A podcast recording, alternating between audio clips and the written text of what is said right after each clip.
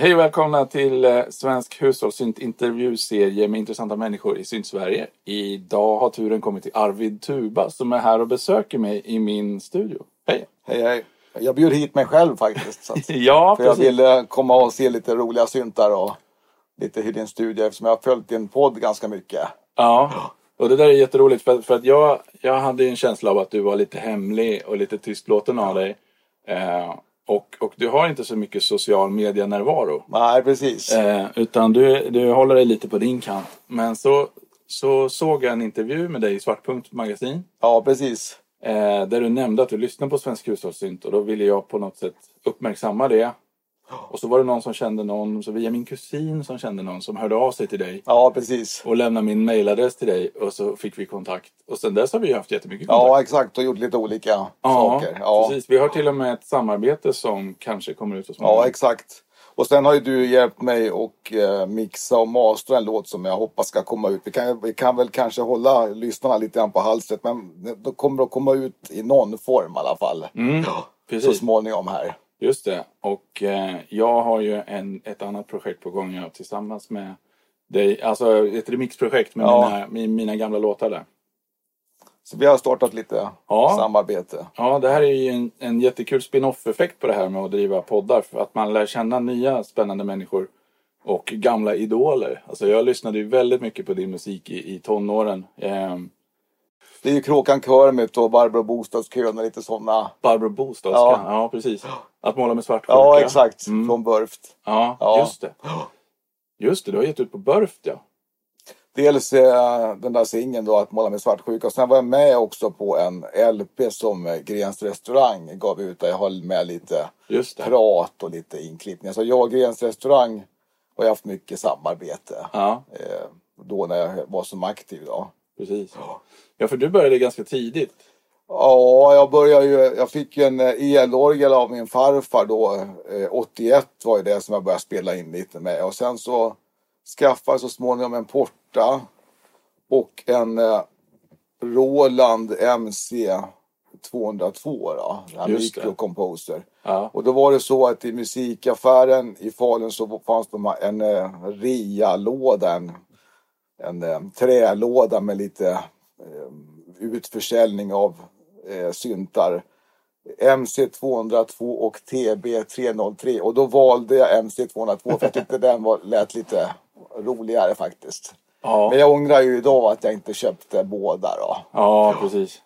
Men den hade jag jättemycket nytta av och där var, den, är ju helt loopbaserad. Stänger man av strömmen så är ju, Så är är ju loopen borta. Då. Men där fick jag en vana vid att jobba mycket med loopar och det har jag tagit med mig eh, när jag jobbar i Ableton och Bitwig idag också. Att det är väldigt loopbaserat. Jag kan inte jobba utan att jag, jag jobbar i en loop. Då. Och det kommer mycket från MC202. Just det. Eh, och sen hade jag en eh, trummaskin som heter Roland TR707 som var fantastisk också.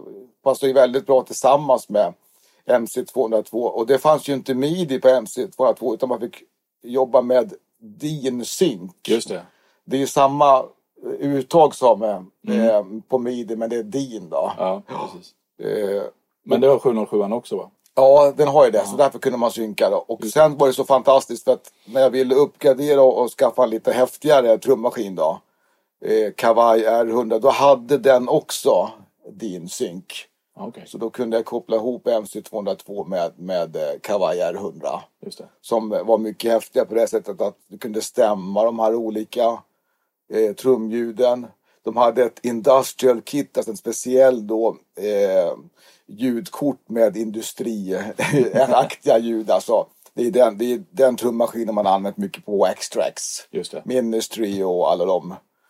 Med väldigt mycket gatad eh, eh, reverb och mycket de här orkestra hits-ljuden också. Så att Mm. Vi hade ju inte råd liksom att ha kvar 707 utan jag fick ju sälja 707 och sen köpa då Ja. R100 istället. Då. Men det var dina tidiga tonår som du höll på med det här? Ja, precis. Och gav ut det på kassett. Ja, Och distribuera själv. Och det var ju mest jag och mina kompisar som just det. lyssnade och som har distribuerat till då. Men, men, och sen så sålde du på någon slags postorder då? Ja, det var ju slager och mycket dem.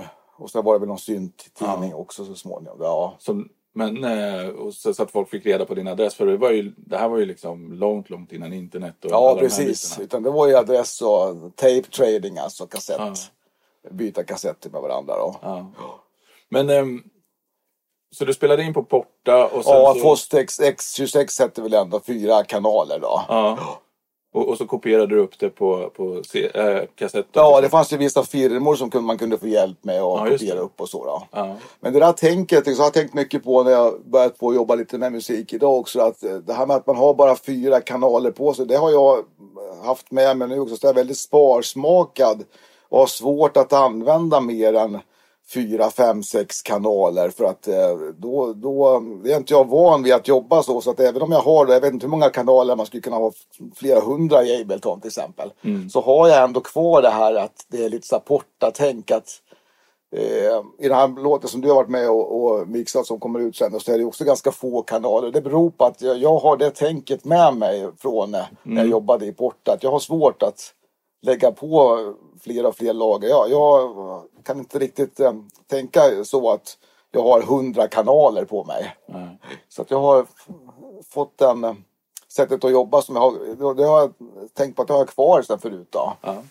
Nej, men, och det påverkar ju lite grann dels hur musiken blir och dels hur man tänker ehm, när man skapar musiken. För jag känner det, ibland det har vi ju pratat om hur mycket som helst, både i den här podden och andra, kreativa begränsningar. Ja, exakt. Eh, så, så det projektet som vi gör tillsammans gör vi ju helt och hållet med, eh, i Bitwig. Ja, exakt. Eh, och bara de inbyggda pluggarna som finns, alltså stockpluggar. Ja, Eh, dessutom kör du Bitwig 16 spårsversionen. ja exakt. Ja, så det är vissa pluggar som, som jag har som jag inte kan använda då. Ja, exakt. Så du får också begränsa dig. Ja, Men vi kom ju på det att både du och jag använder Bitwig. Jag har inte hittat någon annan som använt Bitwig. Utan det var kul att eh, det visade sig vara som en slump då att, eh, ja, att du också använder Bitwig. Då. Ja. För det har jag fastnat för väldigt mycket. Deras gränssnitt och hur man jobbar med, med deras eh, olika eh, eh, moduler och effekter och hur det är upplagt med eh, scener och arrangemang. Det är väldigt fint eh, pedagogiskt upplagt program alltså. ja och, det, alltså,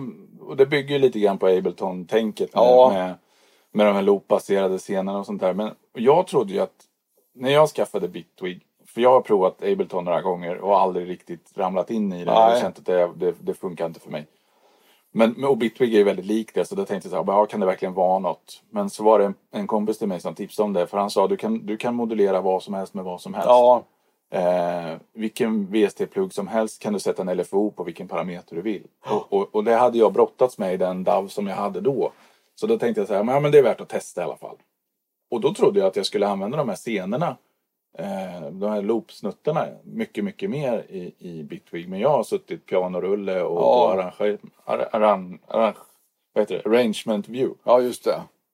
Eh, men du kör... Ja, jag kör ju scener och det bygger nog lite grann på den här MC202 att jag jobbar mycket med den tidigare. Att jag, har, jag vill ha den här begränsade loopen som ofta är då 16 takter och, och sen så lägger man på allt eftersom. eh, Kanske kopierar den första basslingan och drar upp den lite grann så att det blir en, en lead istället och kanske tar bort några no, eh, toner och lägger på ett delay. Och, och, och sen är det ju fantastiska ljudredigeringsmöjligheter också då i Bitwig som Ja. jag gillar väldigt mycket eh, kring att du kan klippa eh, väldigt snabbt eh, sådana här saker som man inte ska med. Om man spelar in sång så kan man klippa bort eh, lite så här stolsknarr och sånt däremellan. Och du kan, Ja. Du kan också sänka när det blir för starka S så kan du sänka exakt eh, eh, den eh, delen av ljudet och sådana saker. Mm, mm. Eh, och du kan också så du kan shoppa, du kan shoppa upp ljuden och så mycket sånt. Så att, Ja. Alltså, jag är helt säker på att det finns väldigt mycket liknande saker i alla andra DAWs också. Men, men, men Bitwig föll bara på plats för mig på ett sätt Ja. som var...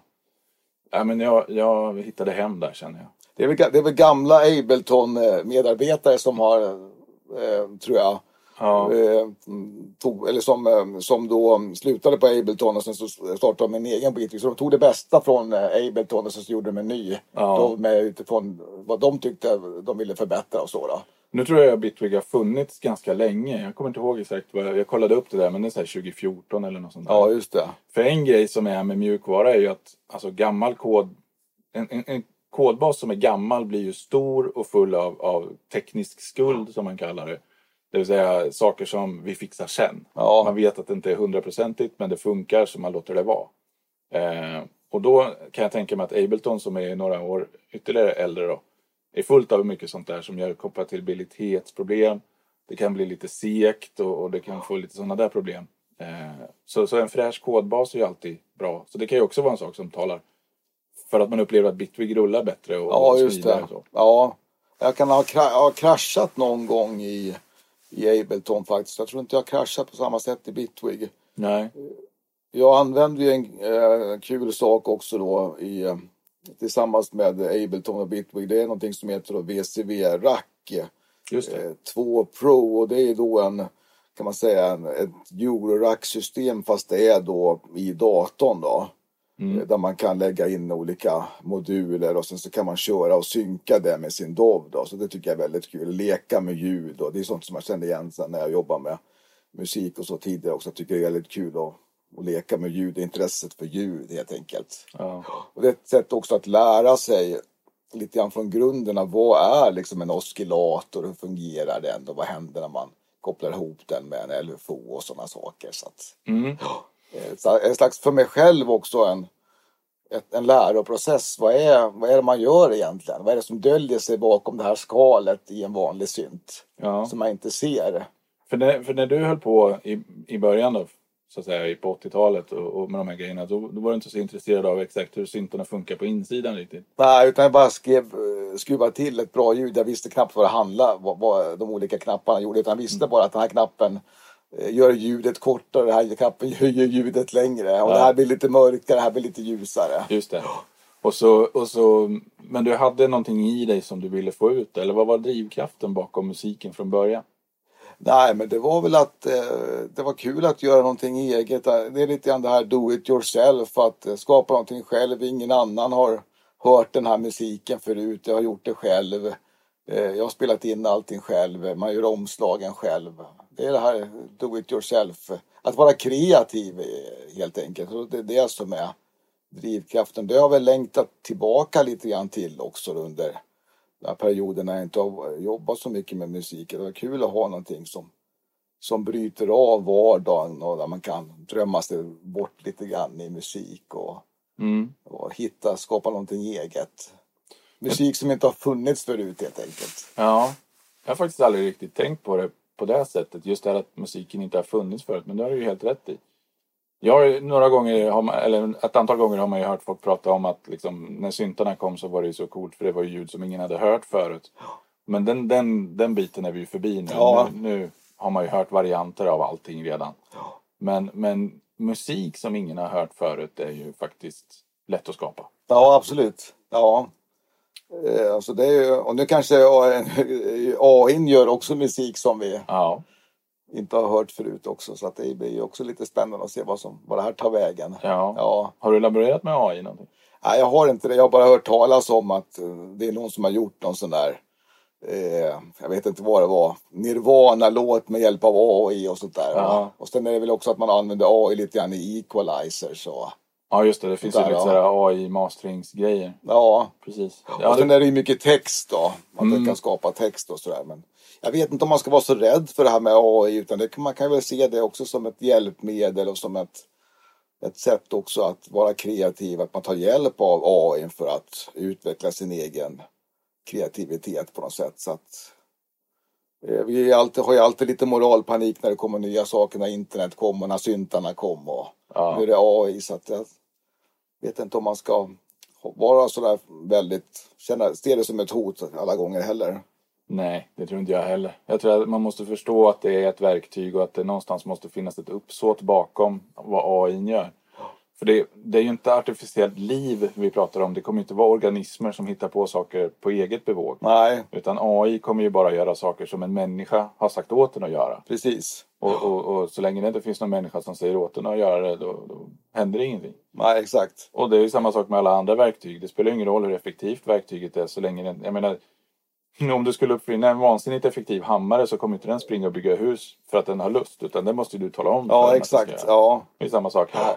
Det var väl så i början när syntarna kom också att eh, de här syntarna kunde spela själv med en sequence. Så då var ju folk rädda för att nu kommer in, inte musikerna och Nej. behöva slänga utan nu, Nej. nu, nu spelar syntarna av sig själva. Samma med trummaskin var en klassiker också. Att trummorna, att det behövs inga trummisar längre. Men Nej. istället så har det blivit ett komplement att det går inte riktigt att ge. Vi lyssnade lite här tidigare också på på eh, trummor och så som du hade ett projekt som du har. Där, där man märker ju, hör väldigt tydligt då att det här är riktiga trummor och det här blir en annan feeling. Ja, visst, visst. Nej, och sen jag menar. Man måste ju också fråga sig liksom vad, vad är konsten till för? Ehm, för jag menar om, om, om musik skapas för att fylla ett tomrum med kvantitet. Ja, då duger ju AI-musik hur bra som helst.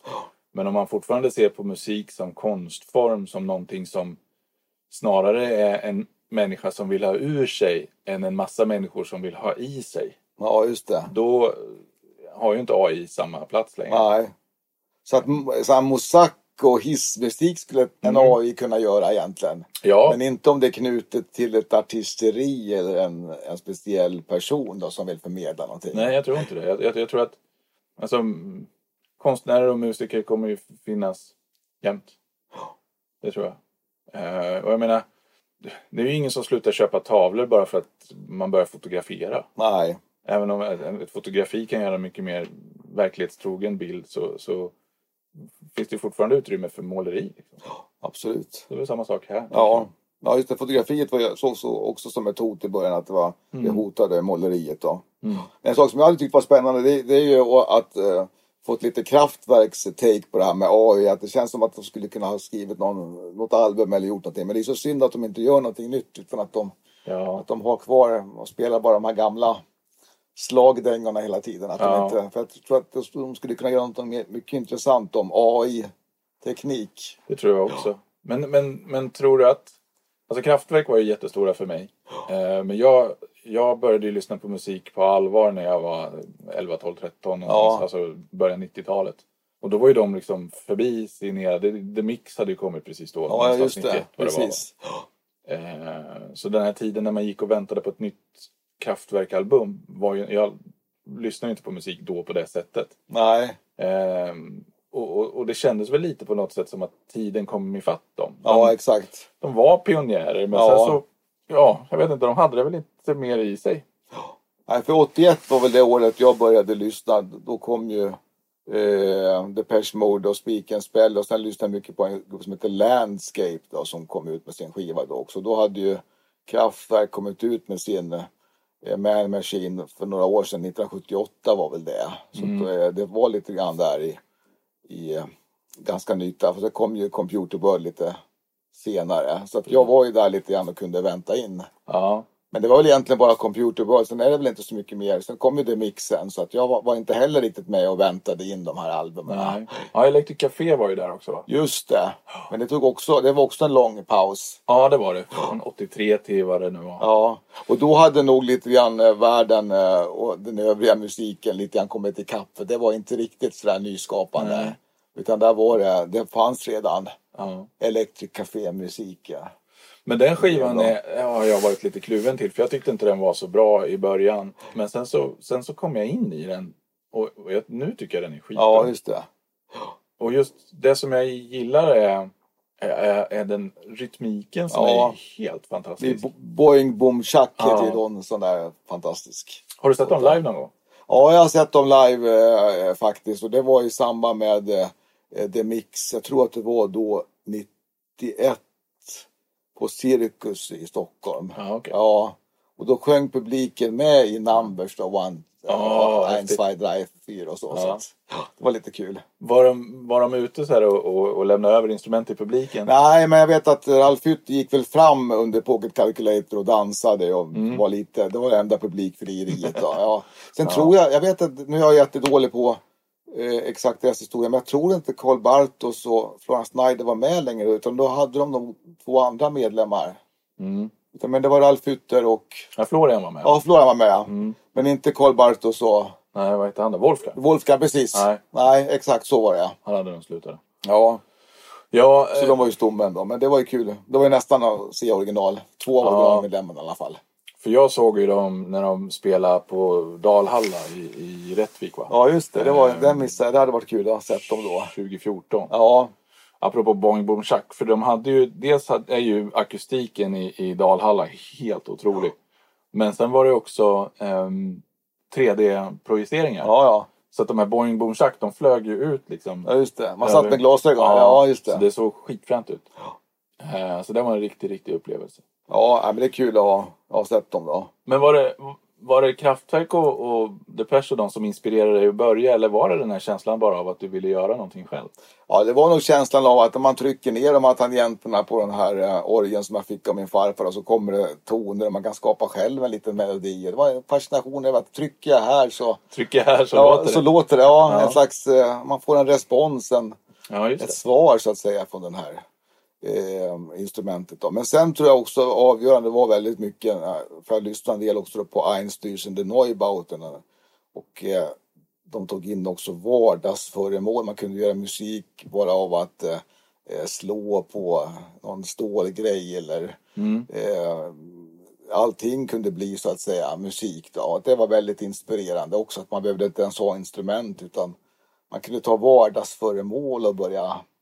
Banka på och göra musik av det. Så det tyckte jag också var ett, ett sätt att få in det här med vardagslivet. Att det behöver inte vara eh, någonting som man har lärt sig spela ett instrument utan man kan uttrycka sig också på det här sättet. Då. Just det.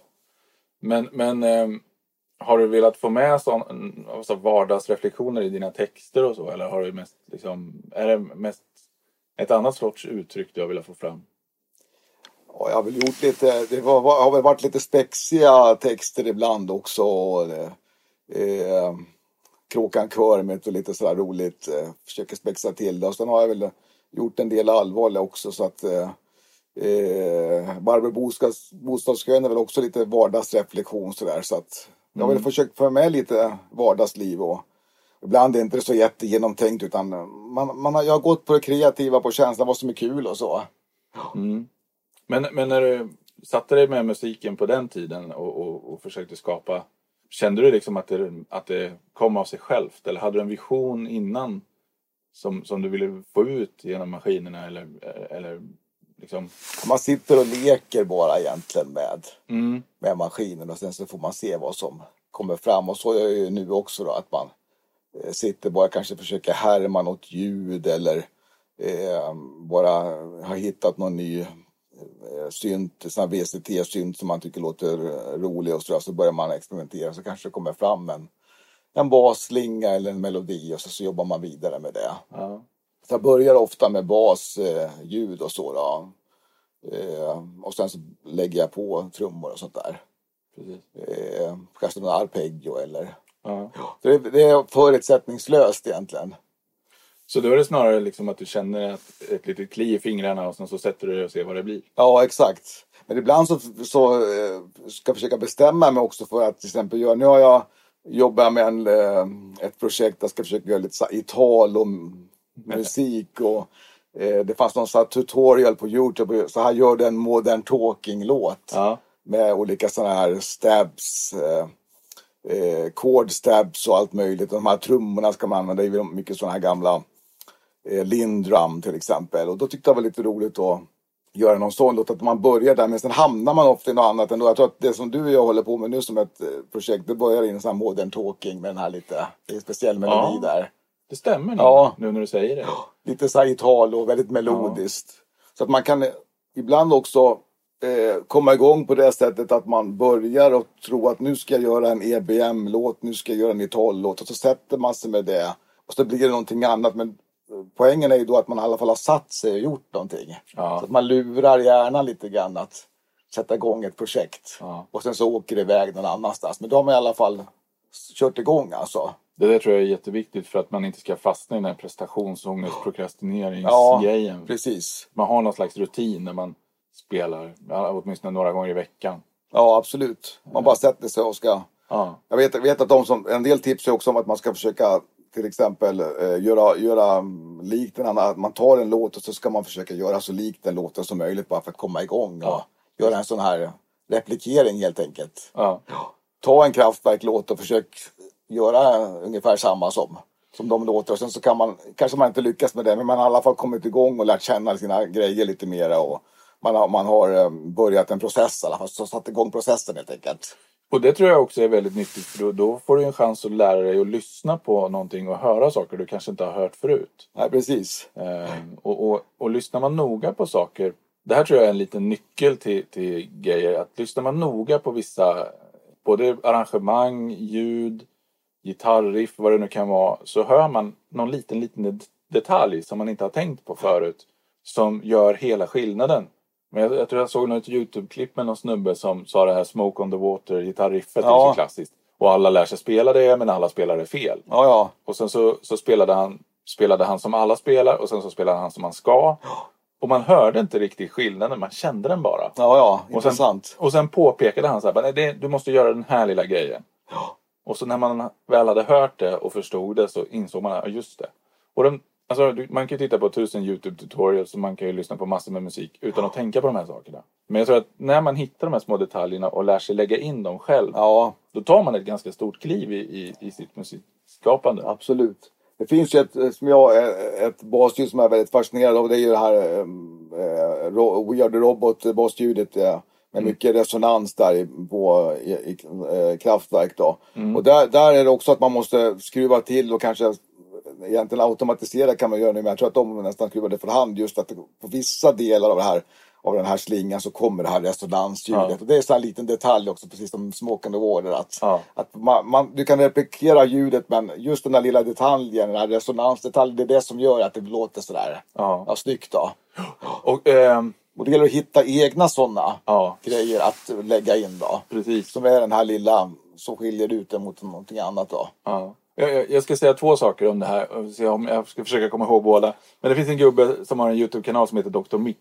Ja, jag känner till det. Ja, han är, jag har lite svårt för honom. Han är lite för dryg. Men han har eh, några filmer där han analyserar skivor. Och bland annat har han Man Machine. ja, Och då går han igenom precis det du säger. Att de drar upp resonansen. Ja, precis. Och sen tror jag att han sa att eh, basljudet är egentligen tvådelat. Ett är ju liksom kroppen. ja, Och sen är ett sånt här resonanssapp i början som en transient. just det.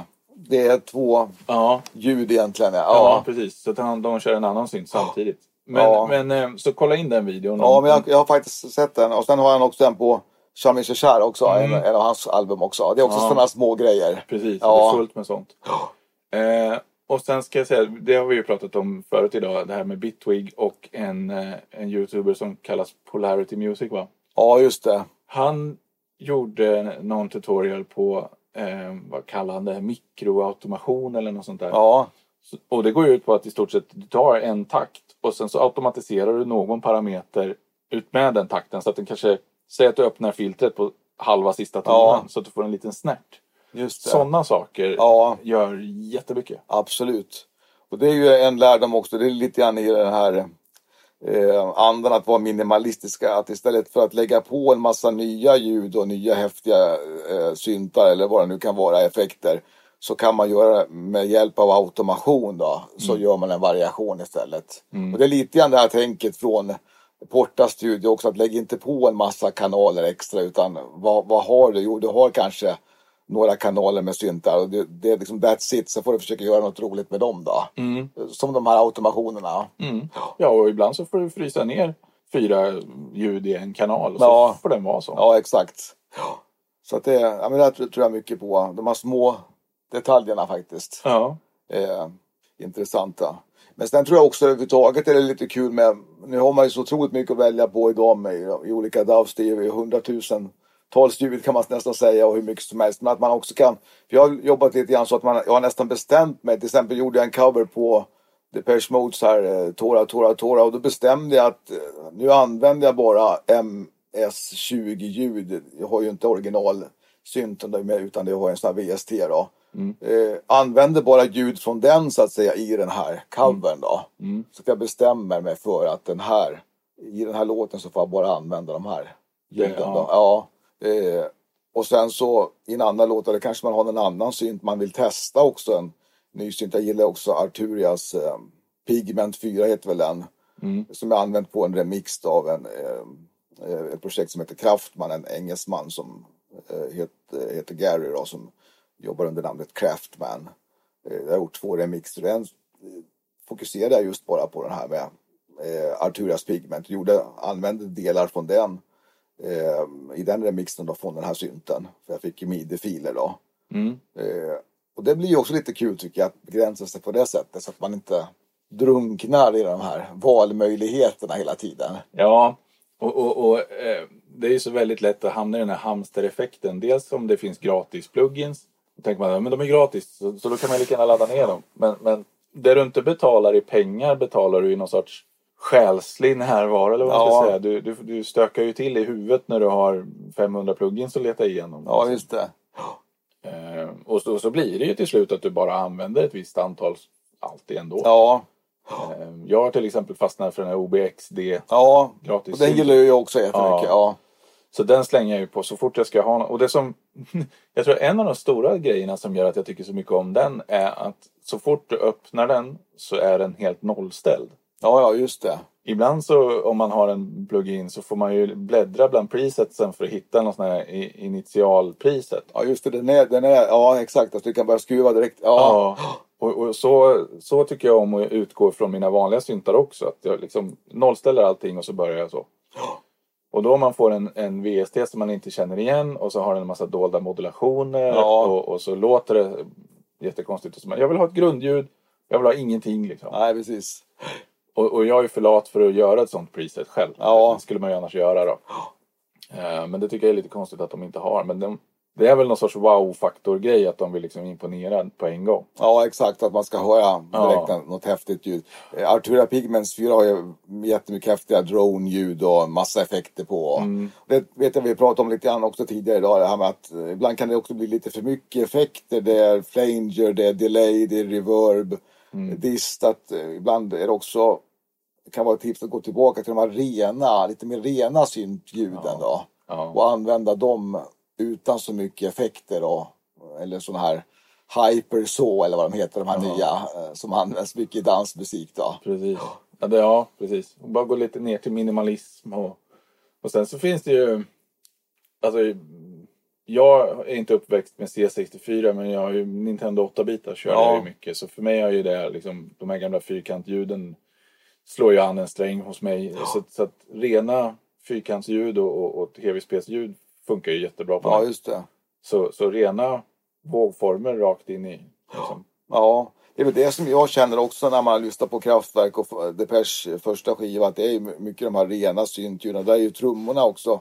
Eh, Daniel Miller jobbade, gjorde väl också trummorna i, i eh, syntes tror jag i den här Ja, Arpe. 2600. Ja, just det. Mm, precis.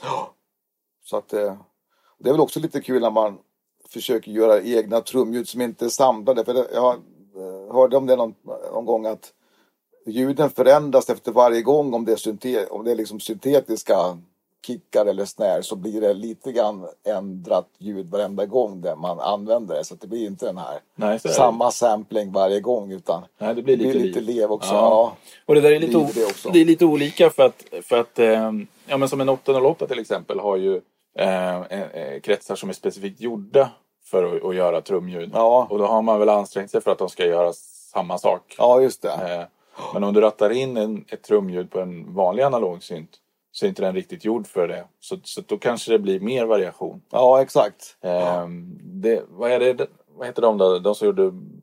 Nej. Alex Ball har ju en YouTube-kanal. Han har... Och Softcell, Ja, Ja. precis. Ehm, ja, det visste jag inte. nej, och, Nej. och de gjorde ju trumljuden liksom med Roland System 100. Ja, ja, det hör man ju nästan på Ja. Softcells tidigare där ja. Och då, och då sa de väl att de var tvungna att gå igenom ett antal hits liksom, innan de fick ett bra ljud som Ja, de ja. kunde använda. Och så återanvände de det på något sätt.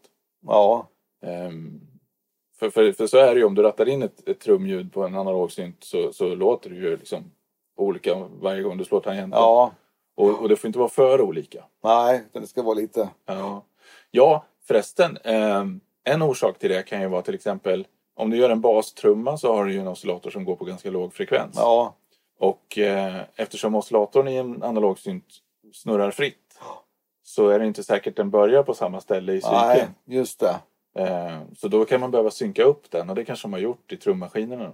Ja, precis. Ja, Det är väl lite sånt där som kan skilja lite grann när man jobbar analogt med. Det, tycker jag, det kan jag sakna lite grann ibland, just det där lite eh, levandegörandet och att det är liksom maskiner i sig som MC202 som gjorde lite som den ville ibland. Och, Ja. och, och sen tycker jag också lite lurigt, jag hade lite svårt för i början när jag skulle börja jobba idag, det är att man ser låten och vad, när de olika basgångarna och trummorna kommer, den här pianorullen. Alltså att det är viktigt att jag brukar ladda ner låten i mobilen så går jag runt med den och lyssnar.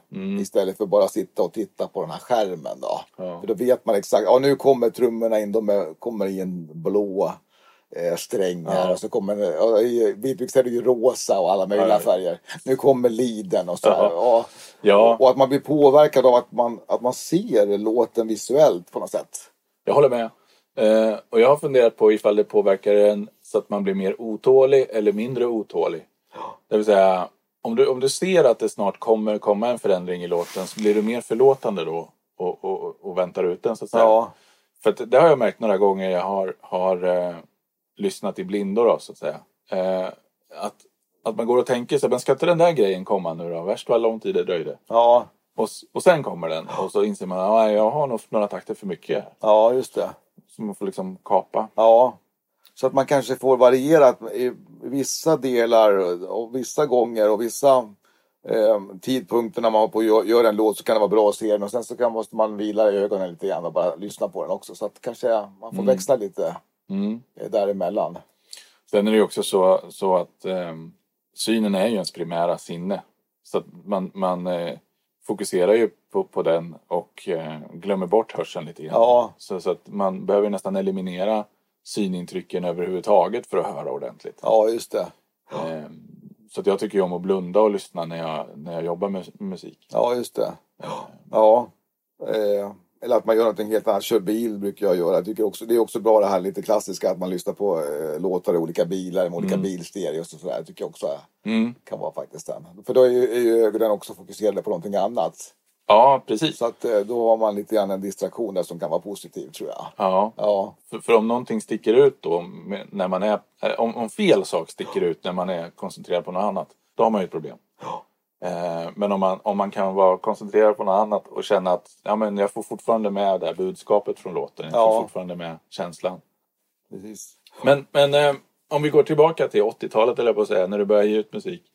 Hur fick, för du gav ut på Burft också sa du? Ja, exakt. Där gav vi ut en singel där och sen eh, var det ju eh, den här Grens restaurang eh, Mm. eh, skivan då som en LP som jag är med och pratar lite på och gör lite Just det. inspel där då. Hur fick du kontakt med Burft eller hörde han av Ja, det var ju också lite via annonser och lite tidningar och så. Ja. så att, Och så gjorde du ganska mycket spelningar vet jag. ja, exakt. Jag gjorde bland annat i Gävle och en i Göteborg också då. Ja. Ja, så det var ju kul. Då hade jag ofta med mig då eh, bara en trummaskin på slutet. Jag hade en, den här Kavaj R100 som jag programmerade in allting med basgångar, eh, orkestra hit ljud och sen så hade jag köpt en sån här cartridge till då, så att jag fick förbereda att först eh, eh, programmera in allting på själva trummaskinen och sen så fick jag under konserten då ladda in den här cartridgen Mm. på de sista låtarna då. ja, just det. Och så fick jag ju köra kanske lite enklare låtar som inte hade så många patterns också på slutet då. Ja, för det, ja precis. För det var begränsat eh, Ja. minne då. Men jag vet att jag hade med mig också MC202 ibland och då fick jag ju stå och programmera in de slingorna mellan låtarna då. Och det gäller att komma ihåg.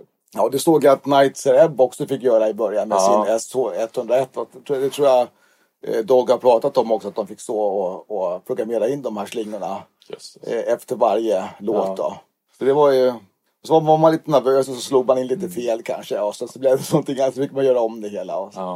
Men det var ju kul, det var ju också begränsningar. Det var ju ett, ett, ett kul sätt att och um, att det inte är så låga trösklar utan man fick kämpa lite grann också. Mm. Det tror jag många har pratat om också, de här eh, pionjärerna, att eh, det tog jättelång tid då.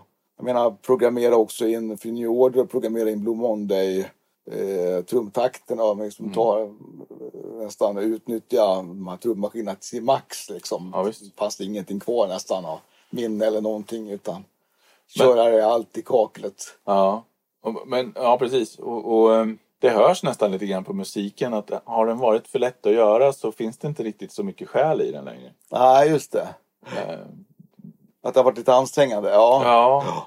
För det blir ju lite lurigt med alla de här looperna och att du väldigt lätt kan göra musik idag genom att bara kan köpa looppaket och du kan köpa många sådana här ljud och slingor och Mm. det finns ju, det finns ju he, hela tjänster på nätet där du bara kan ja. eh, köpa liksom till en så här eh, välj mellan de här hundra olika synthwave-basarna i de här olika eh, eh, skadorna till exempel. Ja.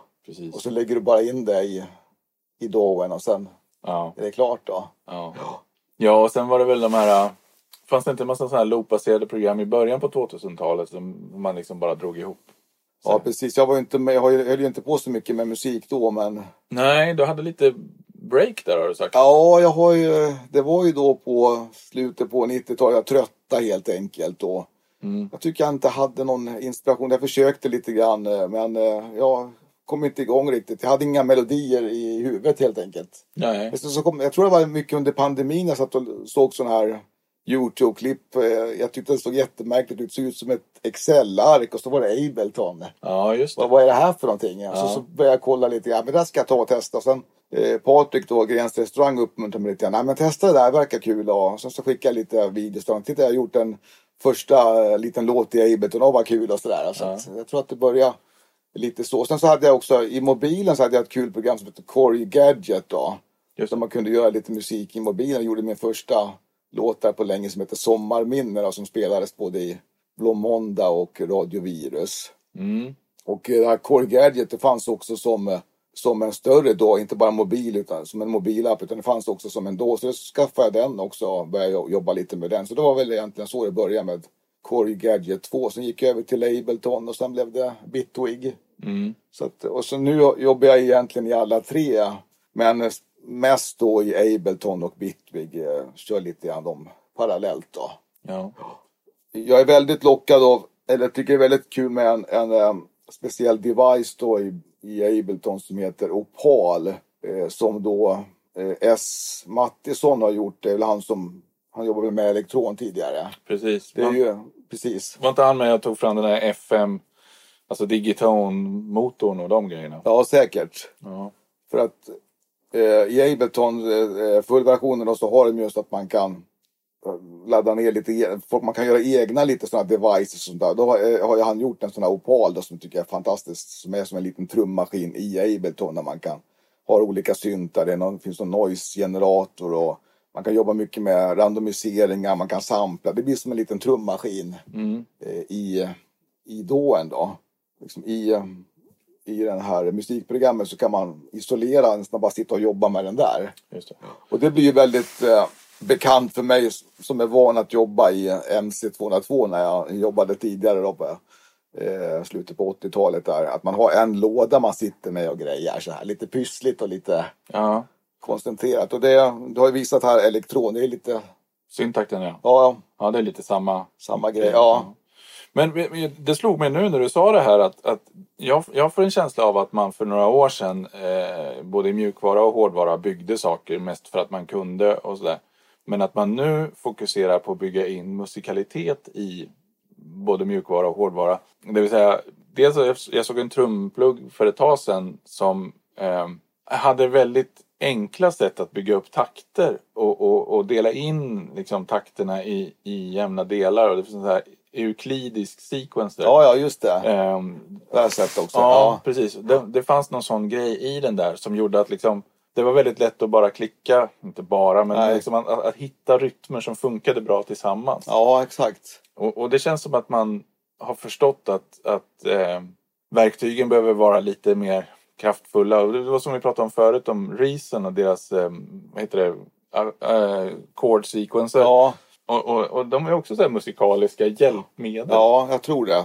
Jag tror att det blir eh, för svårt att bara sätta sig kanske med den här tomma arket, eh, en tom liksom Ableton eh, session där, där det inte finns någonting. Att man behöver ha lite grann den här hjälpen på traven också. Mm, Eh, och det är samma med den här eh, Opal eh, synten då, eller trummaskinen. Att eh, ganska snabbt så kan man få en väldigt häftig rytm, att det svänger och mm, man skruvar till och det blir lite randomiserat. Då blir hi-haten lite annorlunda och Och eh, sen kan man, eh, kan man liksom stämma basen i olika, det blir mycket så happy accidents. Man råkar eh, skruva nästan lite fel ibland och gör om det, blir, det, det blir kanske inte alltid efter mm, speciella skalor heller utan det blir lite eh, slumpmässigt. Men det kan låta väldigt bra för man kan justera efterhand och sådär. Så Ja. att det, det här med happy accident tycker jag, och det har varit viktigt för mig eh, både nu och tidigare att eh, det blir liksom olycka, olyckor, eh, lyckliga olyckor helt enkelt va? Ja, I Ja. musiken. Så, ja, men det var bara kul att det här lät så bra. Det här kör vi på.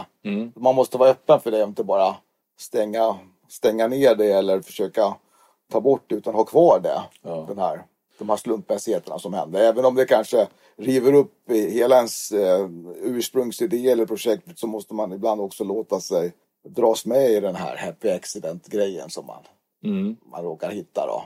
Mm. Tycker jag. Det tycker jag också. Men jag har pratat med ganska många musiker som, som har en tydlig vision i huvudet om hur de vill att det ska låta. Ja. Och sen så kämpar de tills det är exakt så. Ja, just det. Jag har aldrig, aldrig lyckats göra det. Varken, varken lyckats få en tillräckligt tydlig vision eller lyckats spela upp min vision med mina instrument. Nej, Eh, I den mån jag lyckats ha nej. det. Utan jag, jag, precis som du gör, sätter jag mig ner och låter saker hända. Ja, exakt. Eh, Det kan ju också vara, det kan vara antingen att man, man eh, har någon, någon ljudmässig sak man vill testa.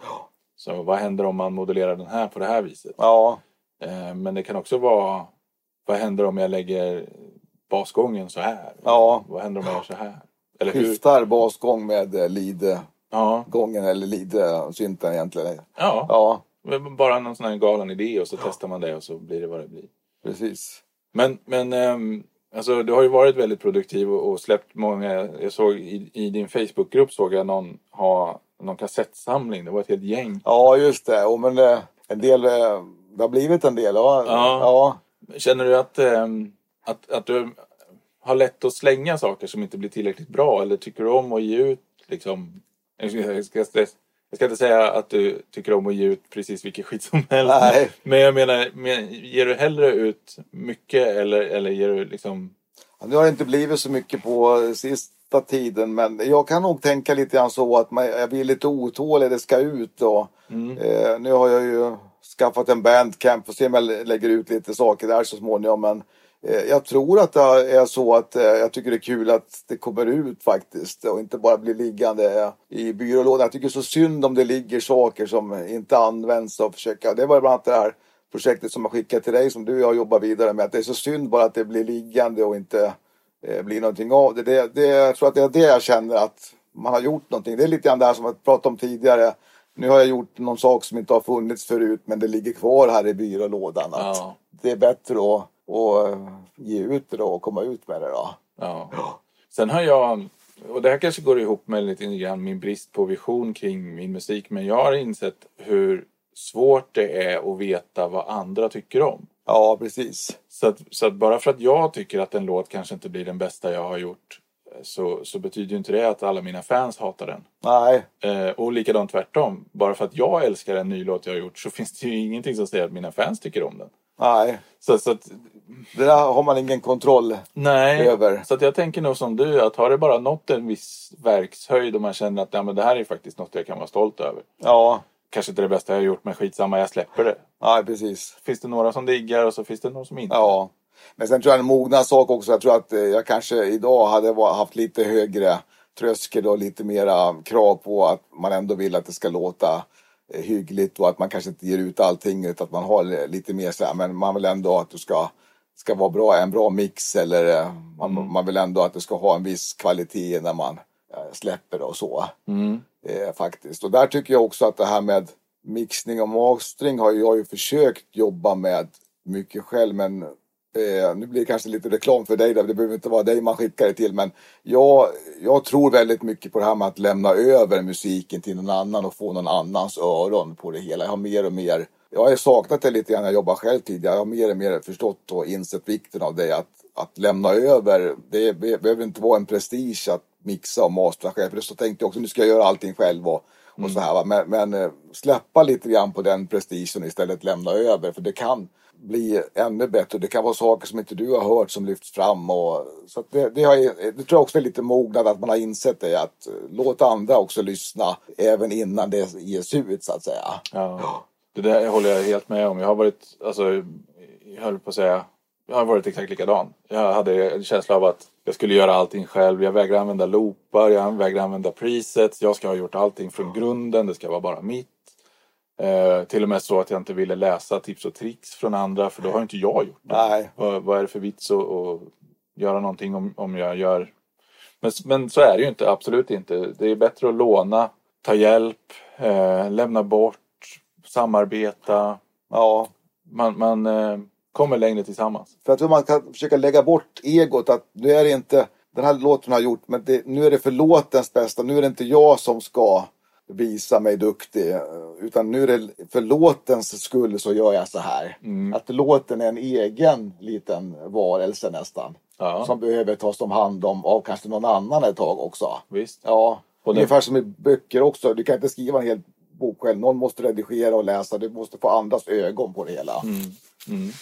Ja, men jag gillar också den här tanken på att, att verket blir en, en individ som förtjänar liksom, uppmärksamhet och förtjänar att släppas ut i det fria i sin bästa form. Liksom. Ja.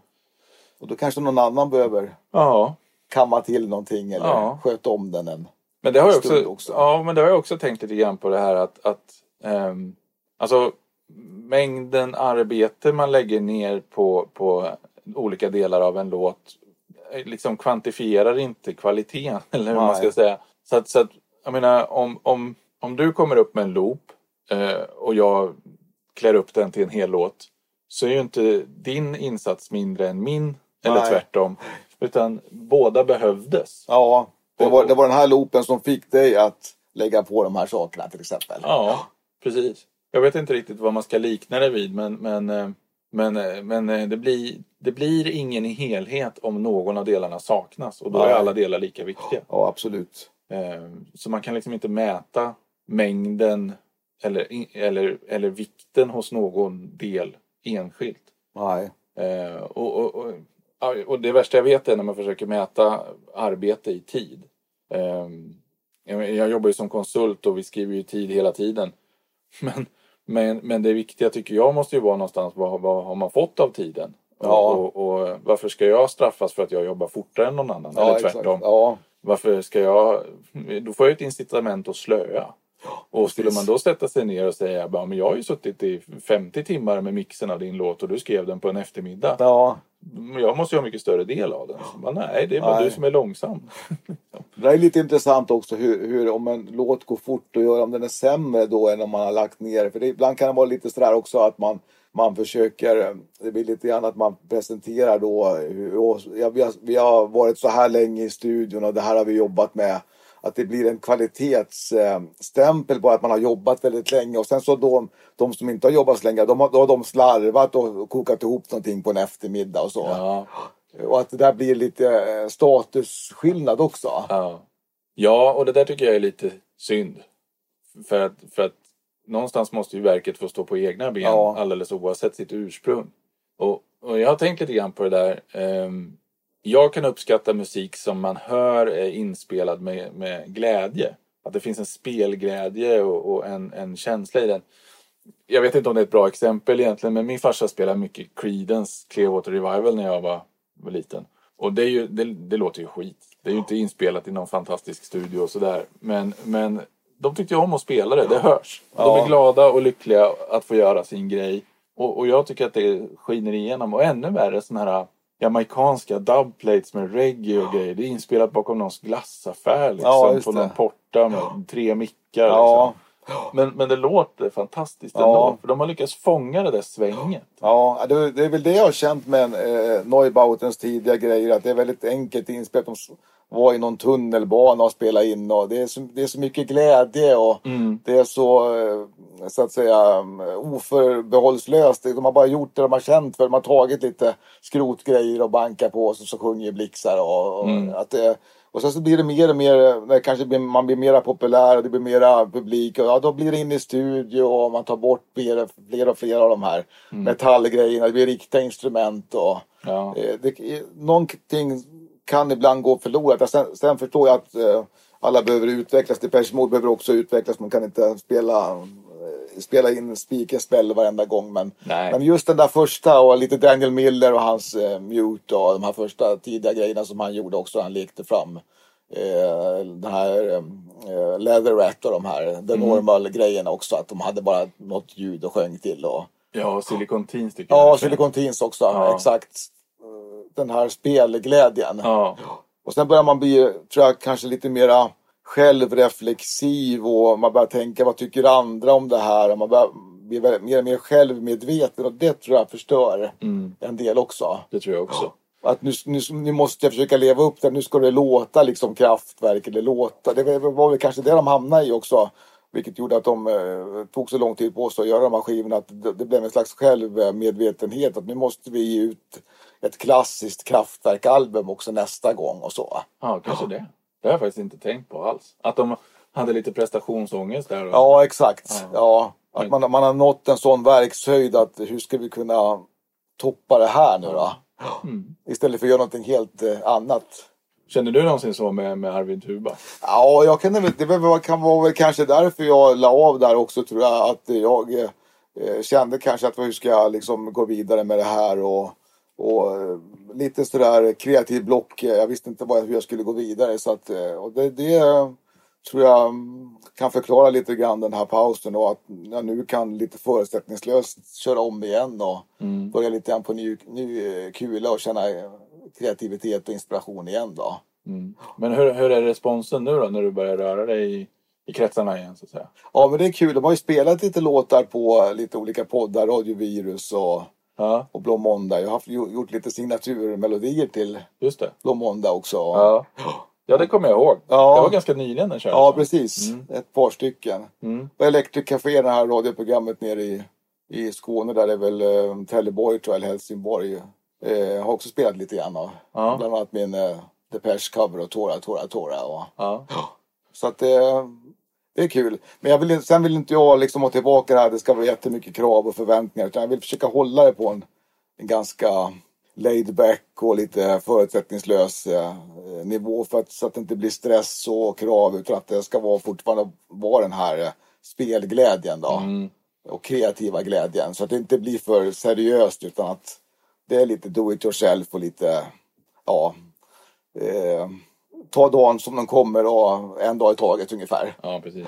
Så ett skivkontrakt med tre dubbelalbum. Nej, precis. Nej, utan lite grann, lite sådana samarbete som du har gjort om man släpper någon låt lite då och då. Det tycker jag är lagom. Ja, jag, jag, jag tror också att det är nyttigt att man liksom håller lite dörrar öppna. Och sen, jag menar, om man inte gör det på heltid så, så vet man ju aldrig hur mycket tid man har. Nej, precis. Vilken möjlighet man har att jobba och sådär. Nej, Nej för jag är nog lite känslig så att jag vill inte att det ska vara bli för mycket uppmärksamhet och för höga krav att man ska spela in album eller spela in eh, något speciellt. Utan jag vill ha den här fri, eh, friheten. Man måste få flyga fritt så att säga. Ja, ja. Då funkar det bra. Ja. Men det var så lustigt för att man, innan man träffar en person så får man ju en bild av den via olika kanaler. Och, och jag menar, jag har ju lyssnat på din musik eh, förut. Jag fick en känsla av att du var lite tillbakadragen och lite blyg och sådär. Ja, just det. Men sen så började vi ju brevväxla och jag upplevde inte alls det. Nej. Ehm, men du vill ändå liksom hålla lite låg profil. Ja, det är liksom min stil tror jag. Mm. Jag vill kunna, kunna vara social och så men ändå ha den här lite låga profilen. Välja lite själv. Ja, välja lite själv, exakt. Ja. Men, Men, det men, passar mig. men hur känns det då, då att ha en, liksom en, en fan-Facebook-grupp? Ja, just det. Ja, det, den, den får väl pågå. Det är väl kul. Jag menar, jag, jag, får- jag måste ju också respektera att den här musiken har betytt mycket Mm. för många. Det är ju samma sak med, jag älskar ju Speak and Spell, Depeche Modes första skiva. Den vill ju inte de, Martin Gore och de här vill ju inte Nej. göra om den eller Nej. spela in en sån skiva igen. Men den gillar ju jag så att de måste ju få utvecklas och jag, jag, jag liksom förstår ju den. Och det är samma dag, jag måste ju förstå att det är, många tycker att det är kul med de gamla grejerna och do it yourself och kassetterna. Och, Ja, även om jag inte riktigt är nostalgisk på det sättet och kan liksom, jag, vill försöka se framåt mera då. Men jag förstår ju den känslan också att eh, många, och jag var, jag var väl lite tidig också med de här, den här musiken och Mm. do it yourself. Och kassetter har ju upp, eh, är någonting som har lyfts upp mycket nu också. Att folk ger ut kassetter idag också. Ja. Så det har blivit lite kult och lite fysiskt. Blivit inne med det här fysiska igen. Kassetter, vinyl och CD. Kanske skulle släppa en kassett? Ja, jag vet inte. Nej. För, alltså, hur känner du, alltså hur, hur har mottagandet varit när du har släppt nya låtar nu? Ja, det, det är väl lite ett annat landskap och, och släppa saker i också med Spotify och det här. Så att det, det är väl... Men jag menar, jag släpper det och sen om en eller två eller några hundra lyssnar, ja, det bekommer mig inte. Utan jag har släppt ut det och det är en kul grej. Jag har ingen, inga förväntningar och ingen, ser ingen prestige i det. Utan det är ungefär som när man köpt, släppte kassetter. Det var kanske 20 personer som köpt, släppte en kassett, eller som köpte en kassett. Och, Ja. Ja, det hamnar var det hamnar så att säga. Det är också lite grann att det eh, Sen när låten är klar, då lever den sitt eget liv och jag kan inte göra så mycket Nej. åt det. Nej. Nej, precis. Den lever sitt eget liv och, och vad heter det? ehm, Men, men du har ju ändå ett namn så det är lättare att nå igenom bruset lite grann. Ja, exakt. Ja. Men sen, men ja, folk gillar eller inte det. Jag tror att jag kan vara ganska stark där. Att eh, jag ger ut det jag ger ut och sen får det bära eller brista. Mm. Ja, och jag är ganska prestigelös. Ja, de, man behöver inte gilla det. Jag kan också växla. Eh, Nu, jag håller, nu spelar jag upp någon EBM-låt för dig och sen har jag gjort någon sån här eh, future pop-låt också som jag jobbar med. Så att, eh, jag, jag gör liksom det jag känner för mera. Jag vill inte följa någon speciell linje eller nu ska jag bara göra EBM eller nu ska jag bara göra Ital. Utan jag, jag, det, får liksom växa lite grann. Och det är, är väl lite Ibland kan jag ångra lite att man inte haft lite så olika alias. Att man har, ungefär som vad heter han, Dive i The Clinic som har haft då, eh, Absolute Body Control och The Clinic och sen gör han saker sol. Och sen har de lite olika sådana här eh, genrer och lite olika stil på varje projekt. Men jag har inte riktigt fastnat för det utan jag, det blir samma namn. Ja. Eh, det, kan, det kan man ju också diskutera om det skulle varit kul att gjort något sånt här helt lite så här gömma sig bakom den andra pseudonymer. Ja, precis. Jag, jag vet inte. Jag tycker det här är en ganska intressant diskussion på många sätt. För att, för att, som vi pratade om förut, Depeche Mode till exempel är ett klassiskt exempel på ett band som har funnits länge och gjort många plattor och Ja. utvecklats väldigt mycket. Och, och, och jag kan ju drömma mig tillbaka till, till den tiden. Alltså jag gillar ju också Speak and Spell Ja. och jag gillar ju Construction Time Again. Och, och efter Violator tycker jag inte det har hänt så mycket spännande. Nej, exakt. Blir- Faith var ju en stor besvikelse. Det blir lite så. Att Ja. man, man, man har, har det här som en ram. Man har Speak and Spell som någon slags utgångspunkt hela tiden.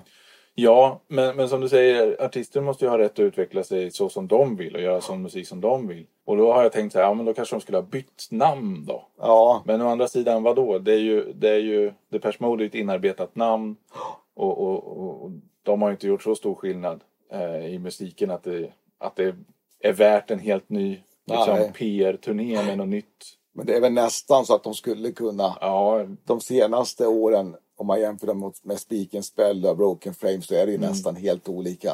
ja, Alltså om, om någon skulle spela upp de här två olika så skulle jag och övertyga mig om att det här var ett helt två olika band så skulle jag nästan tro på det tror jag. ja. Förutom, ja. förutom sången då kanske. Sången är ju, ja, det stämmer. Och sen är det väl Martin Gårds sätt att spela eller eh, skriva låtar med, han blandar mycket moll och dur och så. då, Men, Ja, men rent soundmässigt så. ja verkligen. Det är en jättestor skillnad. Men, men, eh, ja.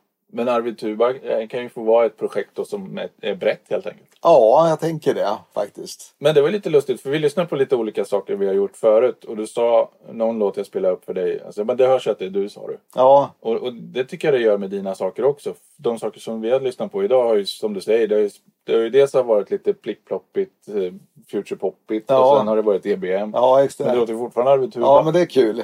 Ja, men det är väl det som är min vision, att det ska låta Mm. eh, Arvid Tuban då så att säga. På något sätt att jag ska ha den här, det ska vara personligt och på något sätt så ska det vara att man hör var det kommer ifrån.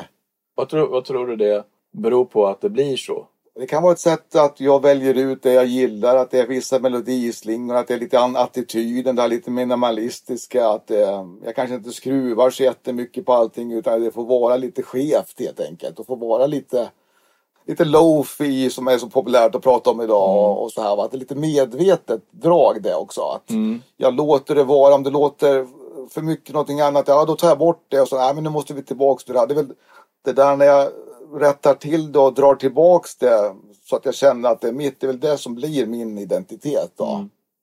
Och det tror jag hänger ihop med det som vi pratade om förut. Det här att både du och jag sätter oss inte ner med en vision utan vi sätter oss ner och så blir det vad det blir. Ja, För då kommer ju våra estetik styra vad, vad det blir. Om, Ja. om vi vrider på ratten på synten åt ett visst håll och så tycker vi inte det låter bra så vrider vi tillbaks det. ja, Men, men eh, folk som är duktiga på att ha en vision i huvudet är nog samma människor som kan göra musik i många olika genrer just det. och få det att låta liksom specifikt för den genren. Ja, För då kan de liksom tänka att ja, men idag är det dubstep och då, då gör vi det.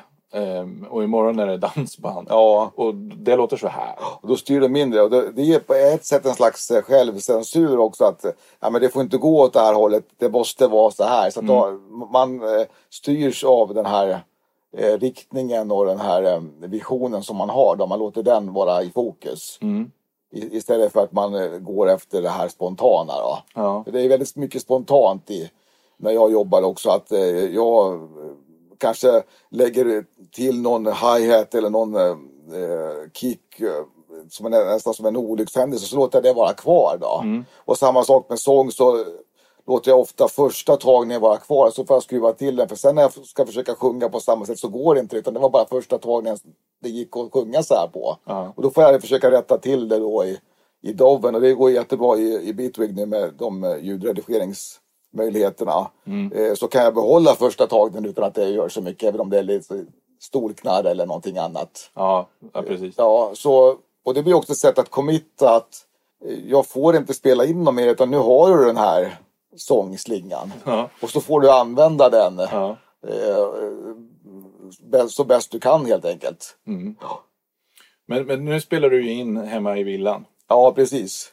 Och det är lite lustigt. Det är kul att se din egna studio här. Jag har ju haft min dator då i vardagsrummet tillsammans med tvn och tv-soffa. Eh, Min familj är där, barnen springer omkring där. Och, och för mig har det varit också ett sätt att eh, sänka tröskeln. Att jag kan bara sätta mig samtidigt som tvn är på och börja jobba någonting. Så att jobba med någon låt eller någon, eh, något musikprojekt utan att det behöver bli så stor grej att jag går in i mitt egna rum. Vilket kan också vara positivt. Men för mig har det passat det här att avdramatisera hela situationen. Jag har haft på liksom TV4-program. Och sen har det nästan lite grann blivit en del i bakgrunden när man sitter och jobbar med något ljud eller någon. Men, men eh, då kör du med lurar förstås? Nej, då kör jag. Jaha. Ja. Ja, ja. Och sen ber mina barn att sänka, så sänker jag lite grann och så, blir, går nästan musiken in i tv-bruset eller någon slammer från köket. Då. Det där har jag faktiskt, eh, det har jag faktiskt också gjort några gånger. Att jag har suttit och jobbat med någonting medan jag har hört, jag har sådana här öppna lurar. Så, Ja, ja. så jag sitter inte alltid här i studion utan ibland sitter jag och arrangerar vid min vanliga arbetsplats. Ja. För jag jobbar ju hemma då. Så jag har mycket större skärm där så då sitter jag och arrangerar eller kanske testar någon grej eller någonting sånt där. Och då har jag öppna lurar och sen på sommaren så har jag balkongdörren öppen Ja. Så då hör man trafik och fågelkvitter och sånt. Ja, just det. Och det, det har slagit mig ett flertal gånger hur mycket det livar upp. Ja, Och vilken skillnad det gör att ha sådana ljud i musiken. Ja, på något sätt så har det varit lite inspirerande. Och Mm. Jag har fått sänka ner det. Man kan ju inte mixa eller mastra. Då kanske man behöver mer. Men just att bara testa lite melodier och Ja, testa lite grann. Så Leka har det sig fram Ja, lite. leka sig fram lite grann. Mm. Och sen så kan man ju när som helst lämna eh, datorn också. och Plocka ut disk och sen så kommer man tillbaka fem minuter och Ja. pilla på någon ja vad bra. litet ljud och så. Så det, har varit, det har varit en kul grej för mig faktiskt att ha det mitt i centrum. Ja. Som en slags kontrast mot det här med att ha ett eget litet rum och så. Men jag, jag, jag skulle vilja testa det också så småningom. Men det har varit lite kul. att ha haft eh, datorn så här, där det händer så att säga. I, Ja. på, mitt i vardagen. Men, men när du spelar in sång så måste du vara i fred. Ja, precis. Och det brukar jag göra när barnen är i skolan eller man, eh, man har lite tyst omkring sig. Ja. Ja. Men jag spelar ju in direkt i, i datorn. Jag har ingen mick utan jag, jag kör ju iMacens. Jaha. mick. Ja. Så jag har bara kört direkt. Men det blir förvånansvärt bra. Ja, jag hoppas det. Ja, Ja men dels har jag ju hört hur Ja. det har blivit. Men, men jag har hört flera andra säga att, att ofta spelar de in med en iPhone. Som Ja. de kanske lägger på ett piano och så får du lite lagom lo-fi Just det. sådär. Ja, och med det har jag sett lite Youtube-klipp faktiskt. Att Mm. Tekniken är så pass bra idag att jag köpte en sån här USB-mikrofon men jag fick den inte att funka. Så att, ja, jag kör. Och så, så fick jag upp den här micken. Då. En ganska bra mick i min iMac. Då, så att, Mm. så att, eh, ja, och sen så kan man ju redigera Ja, så pass bra idag. Ja. Med kompressorer och Ja. IQ och, och så. och så jag menar den typen av musik vi har gjort tillsammans så är det ju, då är det ganska mycket effekter på rösten ändå. Så, Exakt. Så, så det hade varit lite slöseri att ha någon jättedyr mikrofon Ja. på.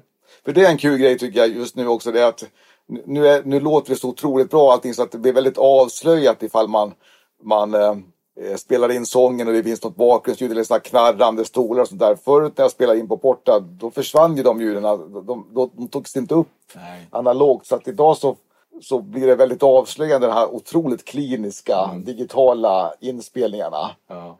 Som, eh, och även då ibland när man spelar in syntar och sådär att, att det som skulle justera sig själv i analogt det hörs jättetydligt. eh, Skarpa ljud och, Mm. och det blir eh, det här digitala vassa soundet då som, som jag har blivit väldigt o, som jag är lite ovan vid faktiskt. För det, det, där, det där skötte sig själv när man, man spelar in på tejp och spelar in på kassett. Det, det justerar sig själv. Det blev bra. Ja. För det blev så att säga filtrerat i, på kassetter, kassetter helt enkelt. Lite bandkompression och Ja. lite, lite toppfiltrering. Ja, och det är det man försöker emulera nu med de här, te- alla de här tejp Ja. och grejerna. då. Ja. Ja. ja, på gott och ont. Alltså, i, i, I många fall så kan det låta riktigt bra. Ja. Eh, men det kan också bli eh, för mycket. Jag, jag, jag tror att en del musik som ges ut idag kommer tyvärr låta fruktansvärt daterad om ett tag. Ja. Med mycket pålagt fuskbrus och sådana saker. Just Då blir det. det liksom...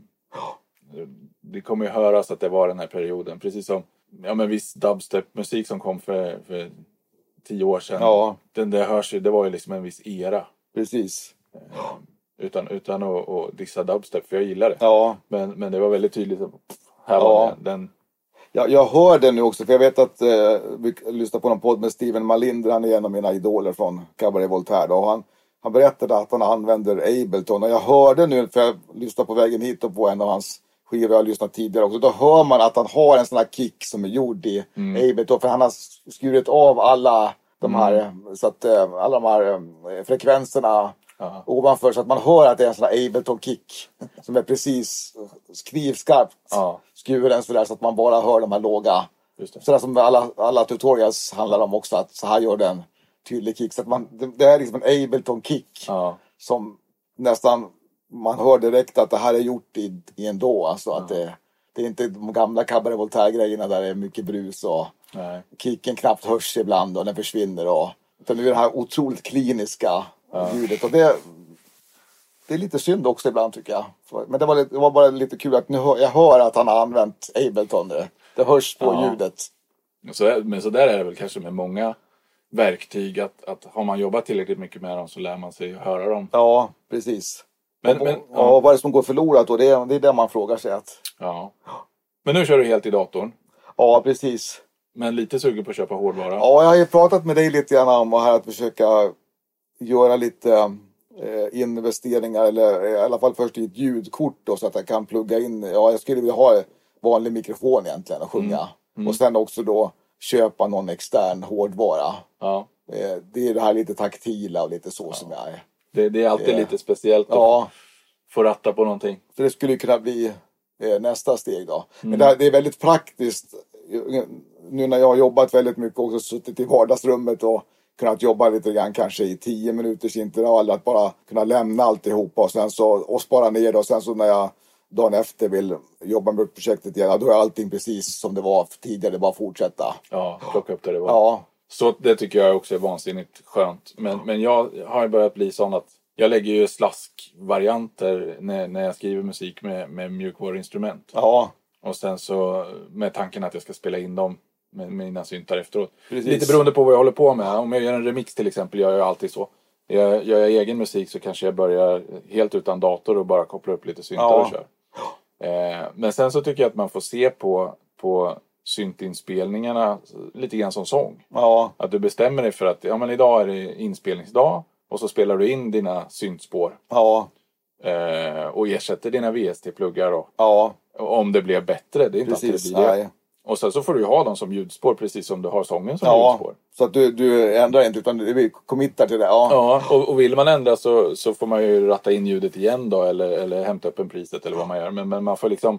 Ett tag så hade jag som vision att man skulle ha allting uppkopplat och så skulle man skicka midi till syntarna Och i den mån det gick så skulle man när man öppnade ett projekt skicka någon sån program change meddelande Ja, som ja. bytte priset. Och, ja. Just det, att du, att du lägger in den informationen. Ja, i- Ja, och jag, jag ville till och med ha sån här midi-automation från datorn till syntarna för filtersvep och Ja, sånt just där. det. Men nu gör jag istället så att när jag spelar in så, så spelar jag in hela låtens syntspår.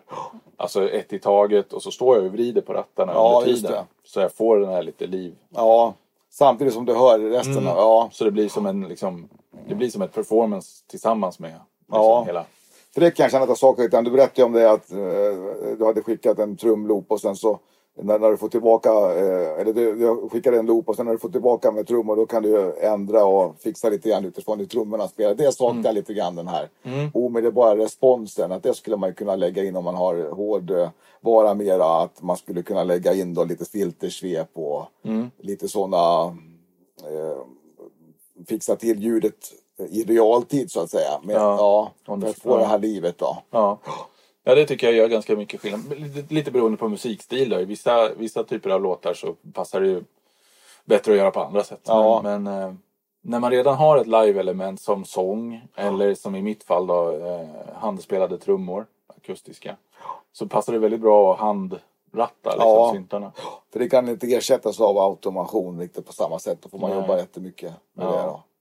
Men en annan sak som jag tycker är lite kul, eh, som är ett knep jag använder, det är att man eh, ofta inte gör klart en låt helt utan att du, du slutar när du eh, nästan har någon ny, eller man slutar lite halvfärdigt för då är det väldigt lätt att plocka upp projektet igen nästa dag. Så att du slutar när du är nästan nöjd. Ja, För att då när du öppnar upp projektet dagen efter eller en vecka efter, då kanske du minns, men det var så här jag tänkte och då kan man snabbt bara komma in i den känslan så att man avslutar inte alltid nej. utan man, man låter det vara lite öppet och Ja. lite sådär eh, att man kan avsluta vid nästa tillfälle eller vid näst, nästa eller Det där var extremt insiktsfullt. För det har jag inte tänkt på på det sättet. Men nu när du säger det så inser jag att precis så har det funkat. För om, man, om, om jag har kört med en låt tills jag kör fast. ja, Eh, eller inte har några fler idéer. nej, Då är det jättesvårt att plocka upp den igen. Men om jag måste sluta på grund av någonting. Eller jag tänker så här, ah, men det fixar jag någon annan dag. ja, Så har du, precis som du säger, kvar det i, i minnet. Så, så Ja. fort du plockar upp projektet. Bara just det, var den där. Eh, smart. ja. Så, gör, så att man har halv... Jag, jag, jag har en vision eller en tanke om så här vill jag ungefär att trummorna ska vara. Eller man, man har inte riktigt gjort klart high, eller handclap-ljudet. Jag tycker det är jättekul med handclap till exempel. Mm. Då sparar man handclap, det roliga handclap-arbetet till nästa gång. Så då har man kvar det lite grann. Till, Ja. som är bara som ett exempel. Ja. Det är klockrent ju. Ja, Ehm, och ett annat sätt, om, om man inte riktigt vet vad som saknas i låten men man vet att den inte är färdig så är ju ett annat sätt att låta den vila och sen så lyssnar man på den utanför studion. Då brukar man liksom kunna klicka till så här att ja men det där behöver jag fixa och så gör man en mental notering om det. Och Ja. så nästa gång man plockar upp den så vet man vart man ska börja. ja, absolut. Man sitter i bilen och... Mm, Ja. Till exempel. Och ibland kan det också vara bra att pausa, att lyssna inte på låten på två, tre dagar. Alltså ta en vit vecka eller på att säga, från låten. Ja. Ja, och sen så plockar du upp, ja men då hör jag, för så var det vi skulle ju, med vår gemensamma låt så var det lite eh, trixigt med arrangemanget. Jag fattade inte hur jag skulle få ihop det. Men sen så lät jag den vila några dagar, sen så började Ja. pusselbitarna hamna på plats och började, började se liksom lite grann hur man skulle kunna lägga upp en sån här Ja, bra arrangemang då. ja. Jag tycker arrangemanget är svårt. Ja. Jag tycker det är jättesvårt. Eh, Jag, jag tycker det är ganska lätt att, att höra bra övergångar mellan delar i arrangemang. Men att säga liksom, nu ska jag göra det här, nu ska jag göra det här. Det tycker jag är jätte- jättesvårt. Och Ja. försöka få, hur lång, hur lång ska en viss bit vara? Ja, just det. Ehm, Hur, mycket, hur monotont får det vara i en syntlåt innan det- man tröttnar? Och, ja, och det där är svårt. Ja, där har det blivit, tycker jag, blivit lite med den här nya musiken att folk är så otåliga och det är många sådana här tutorials på Youtube om att så här gör du din, så här gör du din musik intressant eh, utan att folk tröttnar. Du måste hela tiden ha variation, lägg på en massa saker efter varje vad är det, var, tionde sekund om det skulle komma någonting nytt. Och se, se till att du väcker intresse för att det ges ut så mycket låtar på Spotify. Att, att det, man lite grann också förstör den här lite suggestiva känslan som jag tycker är viktig i musiken. Eh, eh, Och där det upprepas och kanske inte händer jättemycket hela tiden. Det lämnas lite utrymme för fantasi och Ja, Precis, och hjärnan har ju en tendens att fylla i, alltså hitta mönster och fylla i saker själv. Så, Ja. så att om du låter den få utrymme för dig istället för att bara fläska på med information Ja, exakt. blir det en annan grej. Ja. Ja. Det där tror jag är, är, är nyttigt. ja absolut. För det är så lätt idag också att eh, lägga in Ja, sådana här, vad heter det, ear candy. Ja. Så kallades det tror jag. ja, De här små eh, grejerna som ska reta. ja. Och lite godis för öronen. Men behövs det där godiset alltid? Det är det som är frågan. Nej, det, nej. Nej, det var någon som formulerade det jättebra för ett tag sedan. Men det var just det här att, att ehm, amatörer har en tendens att slänga på en, en jäkla massa kanaler för att få det att låta bra. Ja, Medan proffs liksom gör mycket med små medel. ja just det. Man skalar bort och tar bort. Och det där tror jag är en, en lärdom. Ja, Ehm, det brukar jag tänka på också. Vad, var, vad är liksom det minimal, vad är minimikravet eller minimikanalerna för den här låten? Mm. Vad kan jag ta bort? Så att testa ibland att ta bort vad är minsta möjliga? minsta möjliga för att det ändå ska låta okej då. Ja. Det här är lite minimalistiska också. att Låt det vara de här få kanalerna om det låter lika bra. Varför ska du ha en extra bas eller Mm, extra trumma? Du kanske bara ska ha den här väldigt spartanska ja. eh, arrangemanget. Det där, det där var en liten sak som jag lärde mig hos Johan Bäckström när jag var där. Han, han, eh, för det här, det här är lite tvådelat tänker jag. För Ja. Å ena sidan så kan du göra eh, väldigt många kanaler därför att du vill ha väldigt många olika slingor och olika melodier och olika ljud. Ja, Eh, men man kan också ha väldigt många kanaler för att man vill göra ett ljud men med flera syntar. just det. För han, gjorde, han visade ju upp en låt där han hade kombinerat två om det var Pro One och MS-20. Ja, Eh, och, och var för sig var ljuden helt okej men tillsammans blev det ju ja, riktigt klockrent. ja just det. Och det tror jag att man ska jobba mycket med. Ja, det tror jag End One gör också faktiskt. Ja, det tror att jag. de har ljud som egentligen inte finns eller som Mm. är svårt att, eh, att härleda till speciell synt utan det är kombinationen. Då. Mm. Det, ty det tycker jag också är jättekul. Kul idé. Det, det skulle jag vilja utveckla mer själv faktiskt. Att, Precis. att eh, kombinera så att det låter som en synt men det är flera lager. Man har på något sätt eh, använt flera syntar och så, så låter det ändå väldigt enhetligt. Och, Mm, Precis. Att man, ja, Istället för att tänka i flera spår så tänker man i flera lager. ja, Kanske. just det. Ja, intressant. Ja, det ska jag ta fasta på. Ja, för många av de här EBM-basgångarna ju- bygger väl också mycket på att man har flera lager. Då. Mm. Ja, Jauni, Jauni säger ju det att, att mm, den klassiska på P-basen är ju fyra syntar. Precis. Med, med lite olika inställningar. Men det hörs ju inte. Nej. Ja, det tänker man inte på. nej. Jag tror att Total H, det, där är det både analog och FM-bas. Så det blir Samtidigt. Ja, Ja. det tror jag de har sagt i någon intervju. Att knepet där var att de kombinerar de här. Mm. Så det, man, man tror att det är analogt. Man, eller jag har trott det i alla år i alla fall. Mm. Men sen så hörde jag att det också var FM Mm. inblandat. För att få det här. Det är någon slags punch och jag vet inte vad man ska... Ja, det här lite hårda. ja, eh, kombinerat med analog bas då. precis. Så att man får någon slags punch i det också. Ja.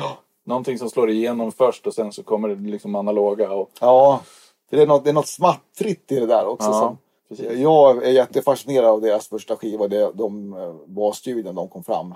The Total Age. Ja, precis. Ja. Ja, det tycker jag. Det, det, jag tycker nästan ingen har lyckats replikera just den där Nej, basljudet och den typen av nej. känsla faktiskt. Sen är den så full av energi så man blir så översköljd av den. Liksom, Ja, Hela skivan. men en sån här skiva, som- den har faktiskt kommit tillbaka till lite då och då just för att bli lite inspirerad av den här energin som du säger. Mm. Mm. För jag känner mycket liksom känslor i musiken också. Det behöver inte alltid vara vilket arrangemang eller vilka syntar utan vad är det för känsla? Det är, vi pratade lite grann tidigare när du hjälpte mig med mixen också med Covenant. Jag skulle vilja att ha lite Covenant-känsla i det här. Och, Ja, så finns det någon, eh, när jag jobbar nu med lite Italo-låtar, då vill jag ha The Twins-känsla. Det är också en sån här Italo-grupp som jag lyssnar mycket på. Mm. Så att, och det, jag kan inte riktigt förklara vad det är, men det är någonting, någon stämning som de här grupperna har byggt upp i sin musik som jag på något sätt vill inspireras av, även om jag inte vill kopiera rakt av. utan Men jag vill, ha, jag vill åt den här eh, feelingen på något Ja. sätt. Ja, Jag kan, absolut. inte, jag kan inte verbalisera det riktigt. nej, nej, men jag förstår.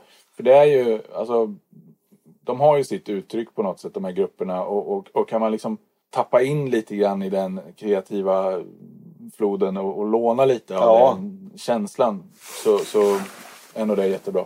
Precis. Det kan också vara ett sätt att bli inspirerad. Ja, att försöka låna något element av någon annan. Ja, Kraftwerk är ju också en sån här grupp tycker jag som, Mm. som byggde mycket, mycket på känslor faktiskt. Ja. Det är lite paradoxalt, man pratar mycket om det här kyliga syntmusiken men för mig är det tvärtom. Det, jag tycker det är väldigt emotionellt faktiskt. Det tycker jag också. Ja, Och det tror jag beror på att ljuden är så, för mig, emotionella. ja, De, de, de, ehm, jag vet inte, de letar sig in i mig på ett sätt som andra ljud inte gör. Antagligen för att de triggar min tanke på hur de är gjorda.